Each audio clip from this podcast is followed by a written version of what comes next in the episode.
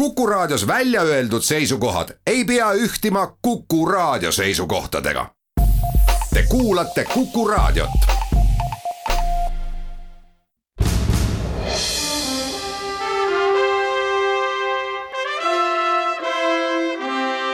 vahetund Postimehega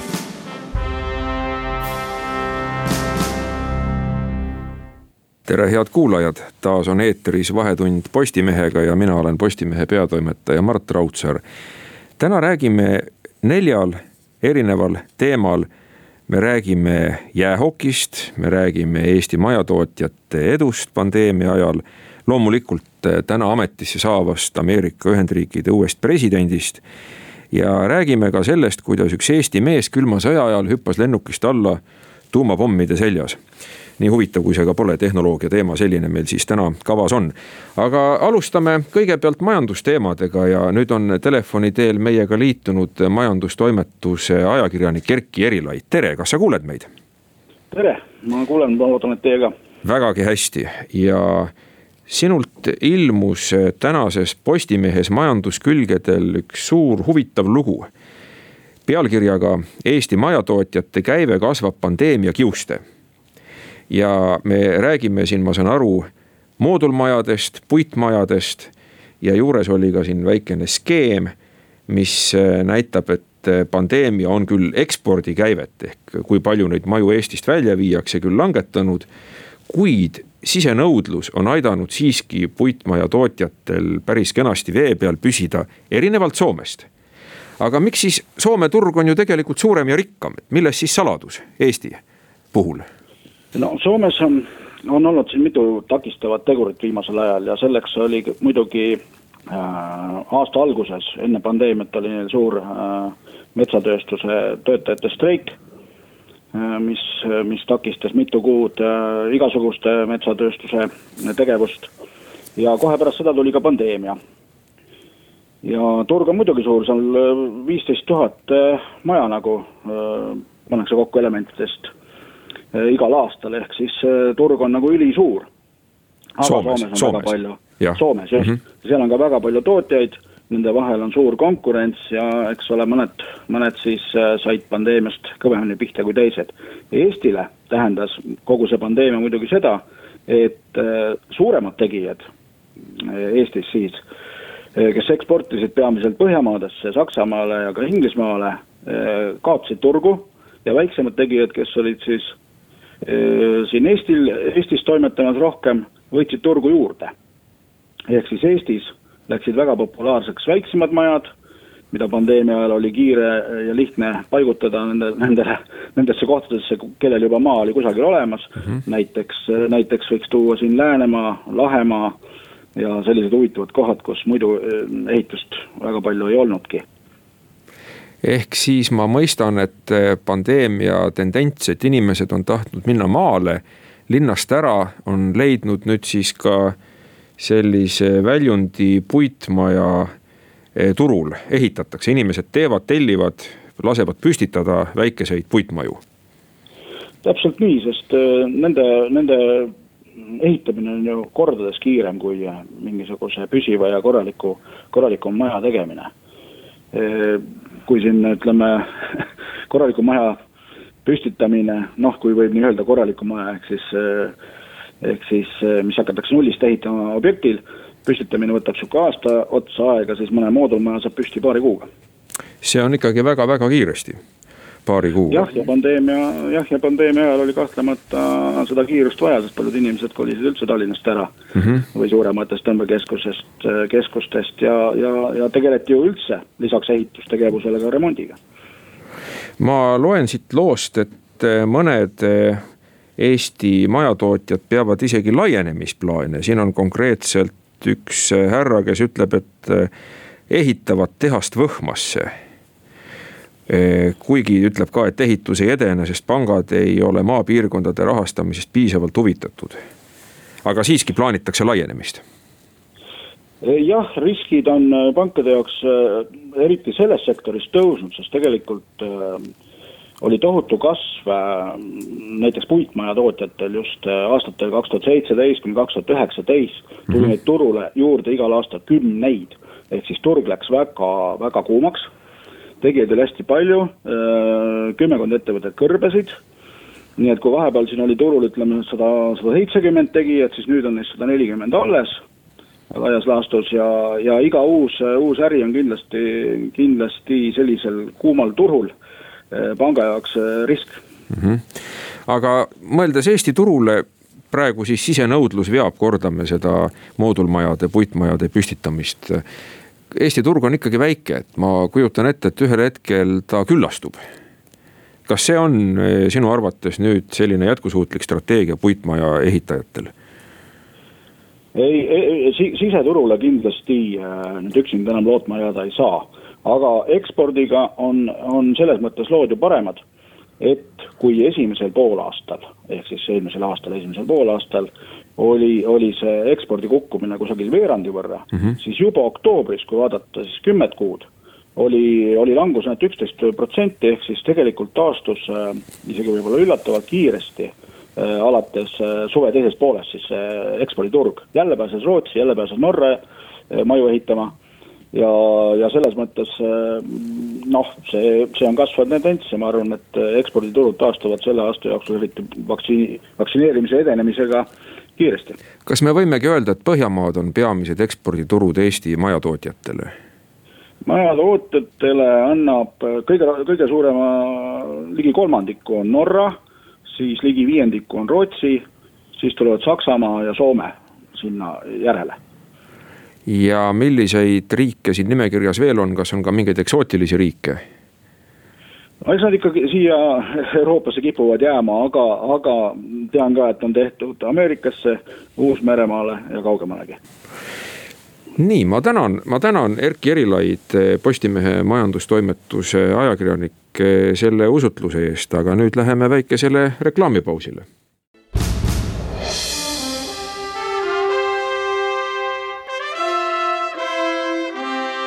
vahetund Postimehega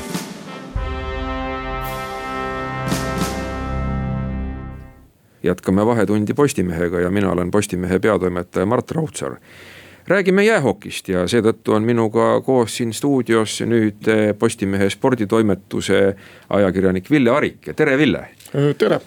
ja sina kirjutasid ühe huvitava loo tänases Postimehes sellest, et Valgevenelt võetakse jäähoki mm ära. Miks siis see nii juhtus, miks võetakse, miks Lukašenkot kurvastatakse? No eks need põhjused ole suures plaanis äh, poliitilised, et äh, juba siis, kui äh, eelmise aasta oli vist augustis ja need möllud seal Valgevenes pihta hakkasid varem, noh, see hoki mm oli sinna Valgevenesse loomulikult varem juba antud. Valgevene ja Läti pidid seda koos korraldama. ja juba niipea, kui need protestid algasid, siis kohe tulid esimesed jutud, signaalid, et et Valgevene pole sobiv koht niisuguse suurvõistluse korraldamiseks. Lätist ju mäletame samamoodi, et ei, kui nüüd opositsiooniga ei arvestata, kui nüüd see presidendivalimisi võltsitakse, mis kõik need seal põhjendused olid, et siis meie ei taha Valgevenega koos korraldada seda võistlust. ja ütleme seda... vahele kuulajatele, et seda turniiri pidi korraldama Valgevenega koos Läti, et nad koos, pidid seda nimelt, jagama. just nimelt koos jah ja. ja., et anti kahe riigi korraldada, et äh, kuueteistkümnest meeskonnast pooled alustavad Minskis, pooled Riias. ja siis lõpuks äh, saadakse siis äh, otsustavateks medalimängudeks Minskisse kokku see kõik pidi siis niimoodi välja nägema, noh praegusel ajal ju korraldatakse paljusid võistlusi, suurvõistlusi mitmetes riikides siin. jalgpalli EM pidi toimuma näiteks kaheteistkümnes riigis korraga ja, ja noh, see on, see on tavapärane juba aga nii ta läks, et äh, nüüd äh, ikkagi siis, kui asi läks praegu otsustavaks, siis ka hakkasid äh, Rahvusvahelise Hokiliidu suured sponsorid Škoda, Nivea. jah, Škoda ja Nivea siin teatasid, et, et kui mängud jäävad Minskisse, siis äh, meie seda üritust äh, ei toeta. ja ütleme niimoodi, et ega siin Rahvusvahelise Hokiliidu juhtkonnal muud üle ei jäänud, kui, kui äh, Minskilt ära võtta see võistlus. jah, no arusaadav, et Valgevene sündmusi me kõik mäletame mis puhkesid peale seda, kui Lukašenka väitis, et ta on presidendiks valitud, aga oli teada, et toimusid massiivsed valimispettused. ja, ja loomulikult järgnesid ka need rahvaprotestid mis on nüüd küll natukene pildilt maas, et tundub, et see Valgevene ongi olnud natukene oma nende mäsudega pisut pildilt maas ja võib-olla see teema nüüd tõstab ta uuesti pildile.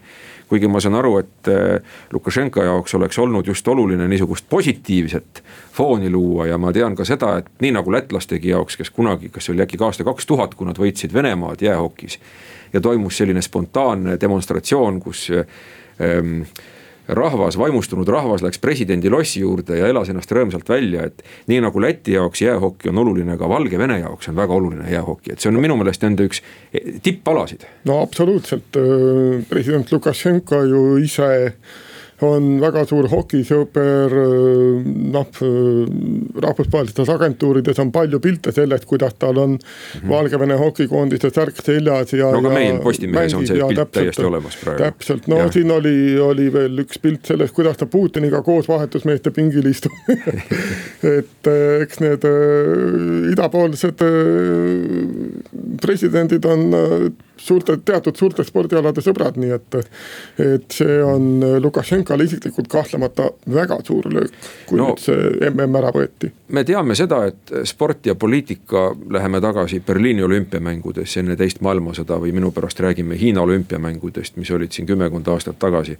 et sport ja poliitika kipuvad ikka läbi põimuma aga samas on ju ka neid, kes on öelnud, et eh, me peaksime sporti suhtuma ikkagi apoliitiliselt ja et eh, ikkagi kontaktid oleksid võinud olla ja et ka see üritus oleks võinud siiski Valgevenes toimuda, vaatamata kõigele, mis, mis see Lukašenka seal enne eh, noh korraldas, et isegi on toodud kusagil, ma ei mäleta küll, kus paralleeli Moskva olümpiamängudega, mõeldes Tallinnale purjeregatile, et et me ju korraks avanesime rohkem läände ja, ja siin oli kultuurikontakte ja öeldakse, et võib-olla ka see ikkagi aitas kaasa natukene Nõukogude Liidu õõnestamisele. et võib-olla sellised suuremad kontaktid aitaksid, jäähoki kontaktid näiteks aitaksid kaasa Lukašenka õõnestamisele, ma ei tea, mis sa sellest arvad? noh ähm mul tuleb kohe selle peale praegu meelde, et aastal kaks tuhat üheksateist suvel ju olid Euroopa mängud Valgevenes palju spordialasid koos, palju sportlasi koos ja, ja ega me ei tea, võib-olla see üritus ka aitas sellele õnnestamisele kaasa. sellepärast, et noh, nüüd aasta hiljem valimistulemused olid nii, nagu nad olid. et noh, lihtsalt nende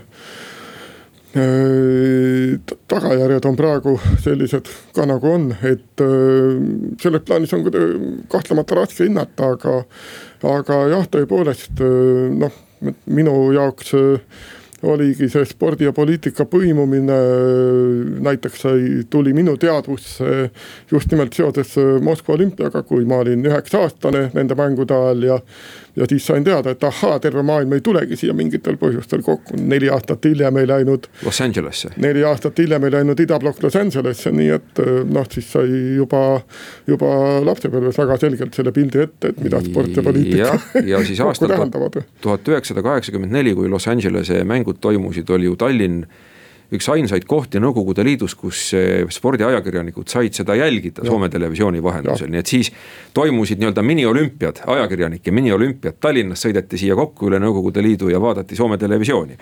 Aga see selleks, mis nüüd edasi saab selle jäähokiga, et eh, ma saan aru, Läti on valmis turniiri ka üksi korraldama, kas nad saaksid sellega hakkama? Noh, seda on eh, siit raske hinnata, et eks nad ise teavad täpselt, kas nad kui nad ütlevad, et nad saaksid sellega hakkama, siis äh, võib uskuda, et nad saaksid, aga samas on äh, Riias praegu ainult äh, või Lätis praegu ainult üks MM-iks sobiv jäähall.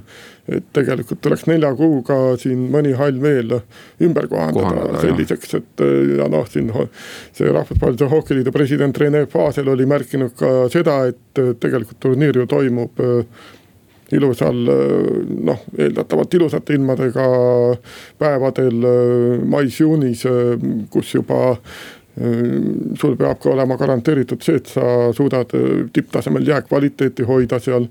Et noh, need kõik asjad on ikkagi sellised, et pigem oleks minu meelest Rahvusvahelisel Hookiliidul loogilisem. kahasse. kahasse teha, siin on Slovakkia ja Taani juba välja käidud võimalikud uued korraldajad Minski asemel, seal on mm just eelmistel aastatel toimunud või mõni aasta tagasi. taristu on olemas kohad on olemas, kus mängida, et selles mõttes oleks oluliselt loogilisem see, et jääb ikkagi nii, et pool võistlust Lätis ja pool äh, mujal.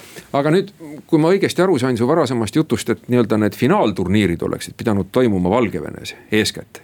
kas nüüd midagi nendest finaalturniiridest äkki pudeneb Lätile? Absoluutselt, Läti juba tegigi Rahvusvahelisele Hokiliidule ettepaneku, et, et need otsustavad mängud, poolfinaalid ja finaal siis Riias pidada, ega noh, eks see on siin ka nüüd, ma arvan lähemate päevade või lähemate nädalate küsimus, et mis siis lõpuks ikkagi, ikkagi otsustatakse. no meie hokisõbrale on see kahtlemata hea uudis, et eh, ilmselt Valgevenesse nii väga, Minskisse nii väga ei sõideta, aga Riia on ju sisuliselt tagaõu. no Riia jah, nägime juba aastal kaks tuhat viisteist, kui korvpalli Euroopa meistrivõistlused seal toimusid, kui palju eestlasi on võimelised Riiga sõitma, neli-viis tuhat, nii et. et äh, selles plaanis äh, kindlasti, aga noh, loomulikult äh, praegu on see Covidi aeg, nii et kas ja kui palju publikut lubatakse, ega seda me ei tea praegu muidugi. mis need kuupäevad olid, sa ütlesid, et kevadel, mais? jah, kakskümmend üks mai kuni kuues juuni on, juuni, on selle võistluse kuupäevad, nii et, et hooki mõttes ikkagi päris hilised päris hilised, aga noh, võib-olla mõeldes sellele viiruse situatsioonile täiesti head kuupäevad juba. no loodame. aga eks me, eks me näe seda siis täpsemalt, kui see hetk kätte jõuab. lõpetuseks ma küsin niisuguse küsimuse, et mis seisus on Eesti jäähoki? et ma tean, et ega meie seal eriti midagi ei, ei tee ega osale, noh ei, selle ei oleks osalenud ei Valgevenes ega, ega, ega Lätis. aga mis tasemel praegu on? No Eesti mängib niimoodi, et äh, sellele kõige kõrgemale tasemele, mis nüüd on siis MM-i äh, ütleme, esimene kõige kõrgem divisjon, sinna Eesti pole jõudnud. aga ta on mänginud seal astepaare allpool pidevalt, nii et selles plaanis äh, ütleme, selles täielikus mudaliigas Eesti pole olnud, et ikkagi selline arvestades meie väikest kandepinda, siin on Eesti meistrivõistlustel osalevad ainult üksikud klubid, et selles plaanis nagu tundub, et koondis on ikkagi selline täiesti korralikul keskmisel tasemel suutnud läbi aastate hoida ennast, nii et, et lihtsalt siin praegu pole teada, et kuidas nendega võistlustega ja, sel aastal. aitäh, aitäh, Ville Arik, Postimehe sporditoimetuse ajakirjanik ja nüüd läheme väikesele reklaamipausile ja kuulame ka uudiseid.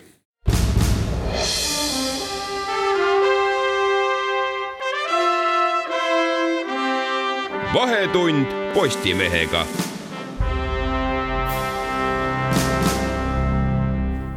Jätkame Vahetundi Postimehega, räägime sellest, et täna saavad Ameerika Ühendriigid endale uue presidendi ja sel teemal on minuga siin koos stuudios arutlemas Merili Arjakas, kes on meie välistoimetuse ajakirjanik, tere. tervist. ja alustame sellest, et uut presidenti, kes on järjekorras neljakümne kuues Ameerika Ühendriikide president, enamasti tuntakse nime all Joe Biden, aga tegelikult on see nimi pikem. Joseph Robinette Biden, nii et keskmine nimi on selline prantsusepärane, kas ta on siis Prantsuse järeltulija?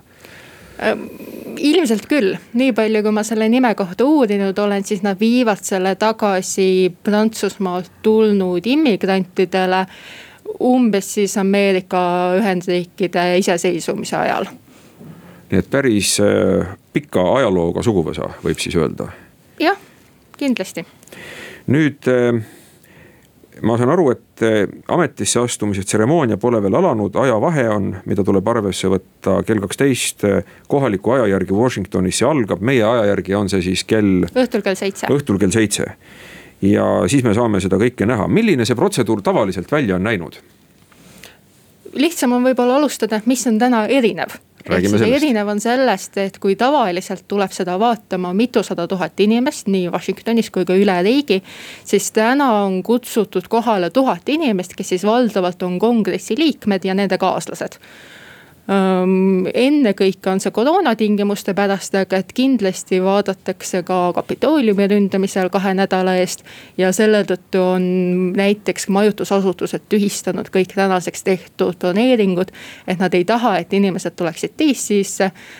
Nad ei taha, et oleks mingisugused sellised emotsionaalsed meeleolud tänavatel meil on liikluspiirangud, paljud tänavad on kinni pandud äh, betoonplokkidega, kinni on pandud ka kogu National Mali park, mis on siis Kapitooliumi -hmm. ja Valge Maja vahel.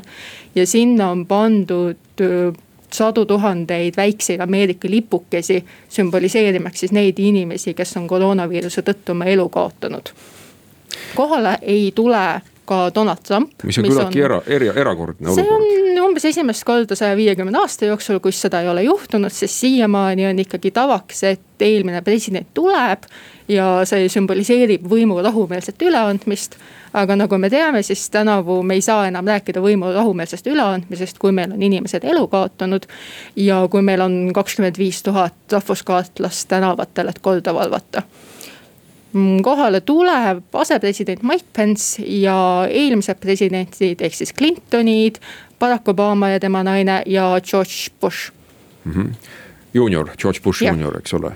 George W Bush, et eh, kui me võimu üleandmisest räägime, siis mulle meenubki aasta kaks tuhat. kui oli Al Gore versus George W Bush ehk George Junior ja kes siis lõpuks võitis väga napilt, Florida hääli loeti üle mitu korda ja toona tundus, et noh, ega napimalt enam minna ei saa aga ajalugu on näidanud, et on olnud küll paljugi pingelisemaid olukordi hiljem veel aga, aga toona oli siis see värk, et mingid, väike skandaal puhkes, et olid äh, seal mõned äh, administratsiooni töötajad, kes kiskusid näiteks ära arvutitelt kaksis V-tähed. ja nii edasi, et kui nad sealt office'ist ära läksid, aga mulle tundub, et nood äh, tembud on küll nii-öelda naljategu sellega võrreldes, mis, mis siin praegu toimub et me ei saa vist rääkida väga rahumeelsest võimu üleandmisest. ma olen aru saanud nii, et Trump on pannud ka mitmesuguseid äh, miine nii-öelda ülekantud tähenduses mm -hmm. küll uuele administratsioonile alla, et on võetud viimase hetke otsuseid, mis tavaliselt ei ole hea poliitilise kultuuri tunnus. et mida nad siin nüüd siis teinud on? Äh, eelmisel nädalal või noh, tegelikult juba ka üle-eelmisel nädalavahetusel tulid järjest erinevad välisministri avaldused, kus siis ühest küljest ütles Mike Pompeo, et nad võtavad tagasi kõik välisministeeriumi enda kehtestatud piirangud kontaktidele Taiwaniga. mida siis varasemalt ei ole tahtnud selliseid ametlikke kontakte pidada, sest see võiks olla Hiinale mm, kuidagi pinnuks silmas. sellele lisaks nimetasid nad Jeemeni Houthid terroriorganisatsiooniks, mis siis tähendab seda, et selles piirkonnas ei saa näiteks abiorganisatsioonid enam nii hästi tegutseda. Ja nad ühtlasi panid tagasi Kuuba sellesse riikide nimekirja, kus on siis terrorismi toetavad riigid koos siis Iraani ja Põhja-Koreaga näiteks. mida siis Barack Obama ajal oli Kuuba sellest nimekirjast ära võetud, kui nad tahtsid Kuubaga selliseid suhteid natuke ja. lähemaks sõlmida. Obama ajal toimus täiesti tähelepanuväärne pingelõdvendus mm -hmm. Kuubaga suhetes, see on õige ja aga nüüd need otsused, mida on tehtud, on sellised otsused, et neid on väga raske ümber vaadata ja nad hakkavad äh, ikkagi väga tõsiselt piirama ongi asjade eesmärgiks on kitsendada seda mänguvälja, mida Biden saaks teha. sellepärast, et kui ta näiteks nüüd tahaks mitte lubada oma ametnikele Taiwan'i ametnikega kokku saada, siis kõik Taiwan'i sümpatiseerijad, keda on Ühendriikides väga palju. saavad öelda, et aga eelmine valitsus võttis sellise seisukoha, et te peaksite seda ka praegu tegema. küsimus on ka selleks, et milliseid asju nad tahavad teha ja mida nad ei taha. Iraaniga nad tahavad natukene pingelõdvendust, natuke paremaid suhteid, ehk siis seal on see Houthide määratlemine kindlasti väga teravalt pinnuks silmas. teisest küljest Hiinaga pigem Bidenil ka ilmselt hakkab suured tüliõunad olema. nii et näiteks eile õhtul tehtud avaldus, et Hiina korraldab uiguuride vastu genotsiidi. see on tõenäoliselt asi, mida nad väga hea meelega ka üle võtavad ja tegelikult kasutavad ära mm. -hmm ehk et nii-öelda antud juhul on juba halb töö või see raske must töö ära tehtud mõnes mõttes jah, teisest küljest Biden ise näiteks mõne kuu eest ütles, et Hiina korraldab genotsiidi. küsimuseks on lihtsalt selles mõttes, et kui selline avaldus tuleb tõesti võimu täiesti viimasel õhtul, siis see ei saa olla väga suure nagu poliitilise tähendusega, et see jätab sellise halva maigu, et miks te seda ei teinud juba mitu aastat tagasi, kui tegelikult no, tulid need teadmised. loomulikult, nagu ma ütlesin, et see ei ole sellise hea poliitilise kultuuri tunnus, et äh, lahkuv äh, valitsus viimasel hetkel, viimasel päeval, kahekümne neljandal tunnil sõna otseses mm -hmm. mõttes. hakkab nüüd mingeid äh, fundamentaalseid otsuseid vastu võtma, et noh, üldiselt demokraatlikes riikides see nii tavaliselt ei käi aga. see on osa sellest, et Trump tahab kinnistada oma välispoliitilist pärandit. ja kuna mingites suurtes küsimustes on juba teada, et Biden hakkab suuri muudatusi tegema. näiteks nad tulevad tagasi Pariisi kliimakokkuleppesse, mille kohta Biden on öelnud, et see on tema esimese päeva umbes esimene otsus. samuti nad hakkavad, tahavad sõlmida või jätkata Venemaaga sõlmitud relvastuslepingut, ehk siis selle relvastuse piiramise lepingut. et siis mingites teistes küsimustes Trump üritab veel kinnistada seda metoodikat ja seda suunda, mida nad on viimase nelja aasta jooksul teinud. nüüd me natuke sellest juba rääkisime, aga räägime veel, et mida Biden hakkab tegema esimeste sammudena, mida me juba teame? Biden on tegelikult juba enne ametisse astumist välja tulnud väga mahuka majandusabipaketiga, suurus umbes üks koma üheksa triljonit dollarit, mis on täiesti hoomamatu maht. aga kust see raha tuleb, Ameerikal on ju päris suur välisvõlg niigi. rahatrükk. selge, neil on see võimalus, tõesti, dollar on Ameerika mm. -hmm ja kogu maailma jaoks oluline raha. ja see on võrdlemisi ebatavaline, et sellised presidendid, kes ei ole veel ametisse astunud, tulevad välja suurte kavadega. aga kuna riigis on selline tohutu suur ootus olemas mm, -hmm. et tuleks valitsus, kas tegelikult nagu oleks kogenud, teaks, mida nad teevad ja tuleks välja selliste suurte abikavadega. kuna viimastel aastatel on senat olnud, kongress on olnud lõhenenud, ehk siis senatis on olnud võimul vabariiklased, alamkojas demokraadid ja omavahel koostööd ei ole tehtud. ning Trump ei ole seda ka kuidagi soovita- soo,, soosinud või abi andnud mm. -hmm. et Biden on selles mõttes kindlasti täiesti erinev president, et ta on ise olnud aastakümneid senaator. ja on olnud ka Barack Obama asepresident, et tal on selline erinevate institutsioonidega koostöö tegemise kogemus. ja ta kindlasti üritab seda teha kui palju nagu tal selleks võimalust on, see on iseasi. sellepärast, et senatis on demokraatidel praegu ülinapp enamus, noh selle enamuse annab neile tegelikult asepresident. Kamala, Kamala Harris.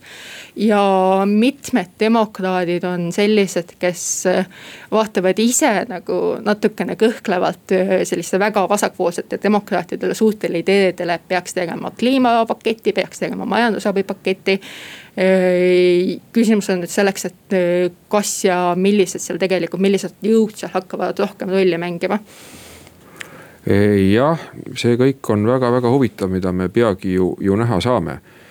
Mm, aga mida see Eesti jaoks tähendab? kas me võime juba praegu öelda, ma saan aru, välisminister on öelnud, äh, uus välisminister, et äh, liitlassuhted on Ameerika Ühendriikide jaoks väga olulised.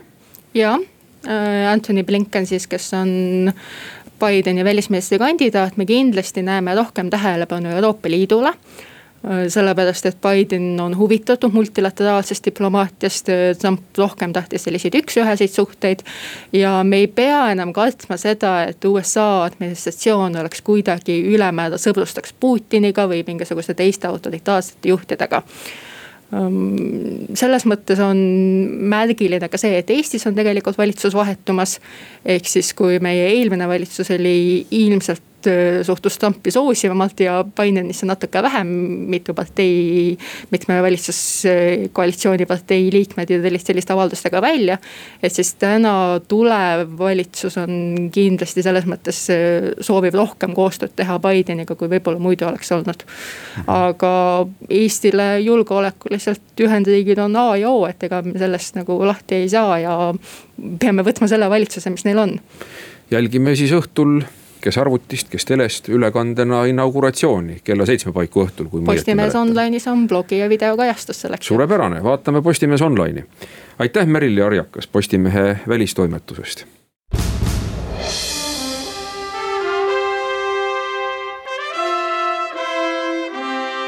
vahetund Postimehega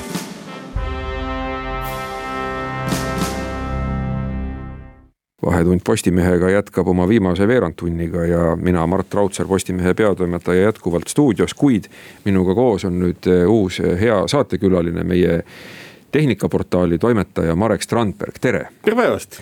ja me räägime ühest väga huvitavast asjast, täna on lehes ilmunud sinu sulest intervjuu Viido Polikarpusega, keda me teame ka kui ajakirja Global Estonia toimetajana, kuid siin ta räägib meile oma sõjaväeteenistusest Ühendriikides, Ühendriikide armees. ja tema oli siis selline mees, kes hüppas lennukist välja koos pisikese portatiivse, võib nii öelda, kakskümmend kolm kilogrammi kaaluva seadme kohta väikese portatiivse tuumapommiga mida ta täpselt tegi, mis, mis temaga siis toimus? see, see oli selline nii-öelda tuumavaimustuse ajastu, noh meist keegi ei mäleta seda, aga aga tema mäletas, kus kõik asjad pidid töötama tuuma peal ja seal selles mõttes ka tuumarelvade spekter, mida seal kõike kasutati, oli hästi lai. ühes otsas oli venelaste tsaarpomm, mis tekitas nii-öelda tohutu plahvatuse oma viiekümne või kuuekümne miljoni tonni trotüüli ekvivalendiga ja teisel. palju see tonnides kaalus see pomm ise, see oli üle kahekümne tonni vist? kakskümmend, kolmkümmend tonni midagi sinna ja teises otsas olid siis niuksed portatiivsed pommikesed, mida noh, me igapäiselt oleme harjunud nägema mingites spioonifilmides. aga need olid reaalselt olemas veel mõned aastad tagasi olid need jutud, noh jah, avalikud jutud ja nüüd on siis ka netiavarustel hästi palju pilte selle kohta, mismoodi need asjad päriselt välja nägid ja ma Viido käest ka küsisin, et, et need asjad, mida nüüd siin jagatud on, kas see on sama asi, millega sind lennukist maha välja hüppama õpetati, ta ütles jaa. ja miks see oli vajalik, need olid siis nii-öelda tagala diversiooni üksused.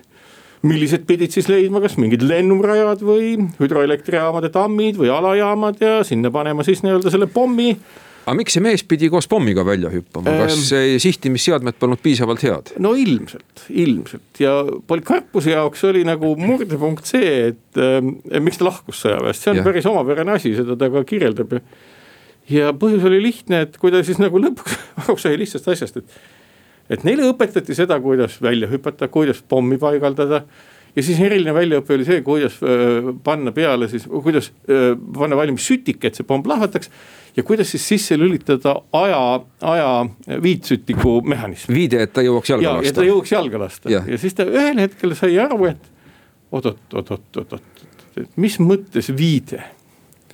et kui pomm on paigas, kui ta on lennukist välja hüpanud, kümned silmapaarid tõenäoliselt jälgivad teda juba. ja hakkavad teda koheselt otsima, nagu nähakse langemarju taevas, päeval või öösel, vahet pole ju et, et mis mõttes jalga laskma.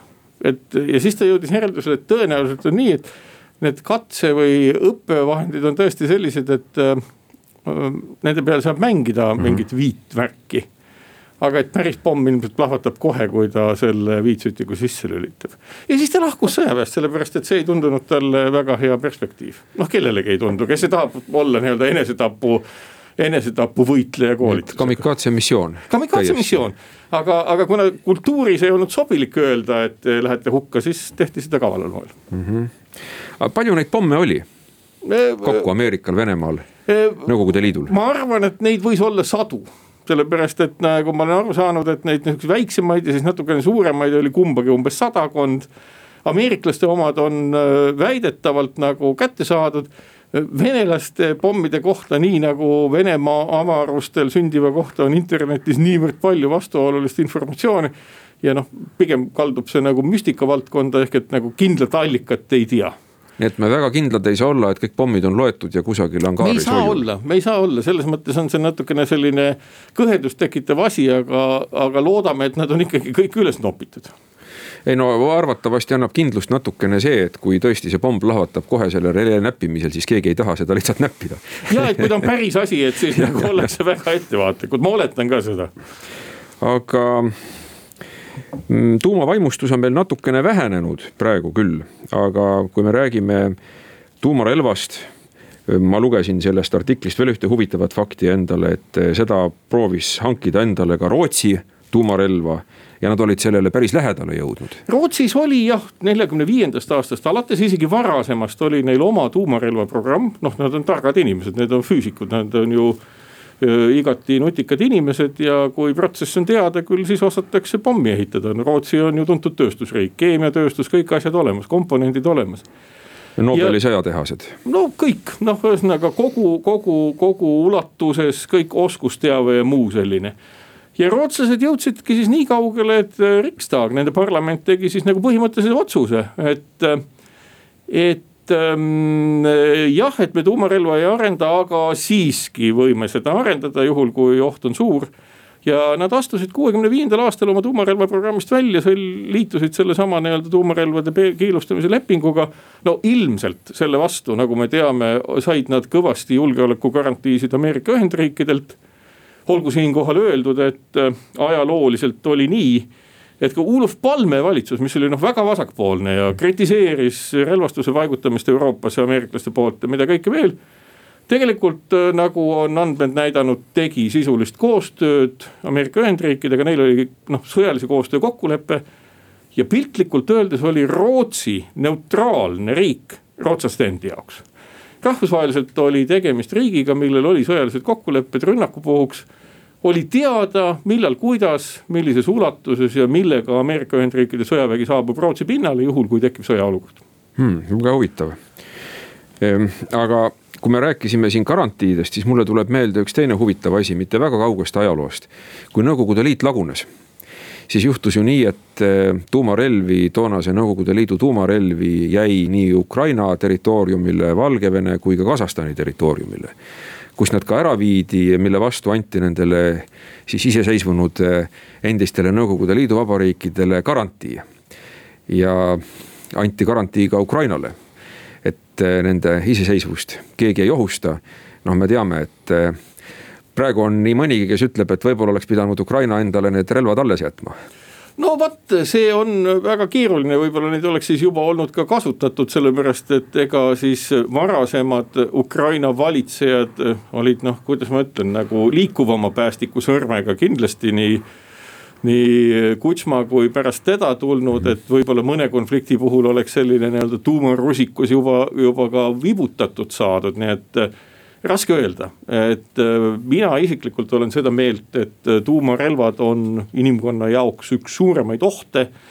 ja neist lahti saamine nii kiiresti kui võimalik oleks ülioluline samm, sellepärast et nende ehitamine on jätkuvalt tänases maailmas noh, suur tööstuslik ettevõtmine ja seda on nii kosmosest kui maa pealt igalt poolt näha, nii et mm -hmm. seda suudetakse ennetada aga jah, nende kasutamine on siiamaani nii-öelda sellise tuumatasakaalu mudelina noh, mingil määral toiminud. aga me ei saa kindlad olla, et kõik need riigid, kelle puhul kahtlustatakse, et neil võib olla tuumarelv, on samal moel nii-öelda usaldusväärsed nagu siiamaani on läinud, et kuidagi selleks tuumasõjaks ei ole õnneks läinud. no ja tuumaklubi on ju suurenenud pidevalt, et me teame, et Pakistanil on tuumarelv, Indial on tuumarelv, Iisraelil on tuumarelv ja nüüd ka Põhja-Koreal on tuumarelv. et eh, kui me räägime võimalikust konfliktist, kus kasutatakse tuumarelva mulle tundub, et see Pakistani-India piirkond on üks väga-väga ohtlik koht. ja aga võtame ka teistpidi, mõlemad on suured rahvad, noh India eriti suur ja seal on ikkagi ka kultuuri küsimus, et noh, vaatamata sellele, et nad tunduvad meist kauged olevat, siis ikkagi tuumatasakaalu hoiab teatud selline kultuur ja sõltumata sellest, et riigid omavahel tülitsevad, noh, Pakistan India, tegelikult kõik need riigid seal on nii iidsete kultuuritraditsioonidega, et me saame loota vaid selle peale, et ehk nende selline terviku adumine kaitseb meid mm. -hmm. no nüüd on täna just tulemas uus president Ameerikas, Joseph Biden ja räägitakse, et tahetakse taas, uus administratsioon tahab taas Iraaniga tuumaleppe elustada, et Iraan oli ka ju üks riikidest, kes eh, oli täiesti huvitatud tuumarelva hankimisest, aga nii nagu sa äsja ütlesid ka, et see on tegevus, mida ei ole võimalik teha kusagil põõsas salaja. vaid et seda on võimalik monitoorida väga erinevatel viisidel. ja on põhjust arvata, et neil veel relva ei ole aga, aga nad ei ole sellest ka väga kaugel. no nad on teada andnud, et nad soovivad rikastamise äh, kvaliteeti kasvatada rahvusvahelisele üldsusele ja reaktorite jaoks nii kvaliteetset uraani vaja ei ole, kuigi nad kamufleerivad oma väiteid just nimelt nii-öelda vajadusega energeetilist uraani toota nii et äh, jällegi, ega ma ei tea ka detaile, aga loomulikult olla lepinguga seotud on tõenäoliselt rahvusvahelisele avalikkusele kindlam värk kui ilma lepinguta ja palju tänu selle vestluse eest, Marek Strandberg, Tehnikaportaali toimetaja, niisugune oli tänane Vahetund Postimehega. mina olen Postimehe peatoimetaja Mart Raudsaar. kohtume taas järgmisel nädalal, kõike head ja olge terved.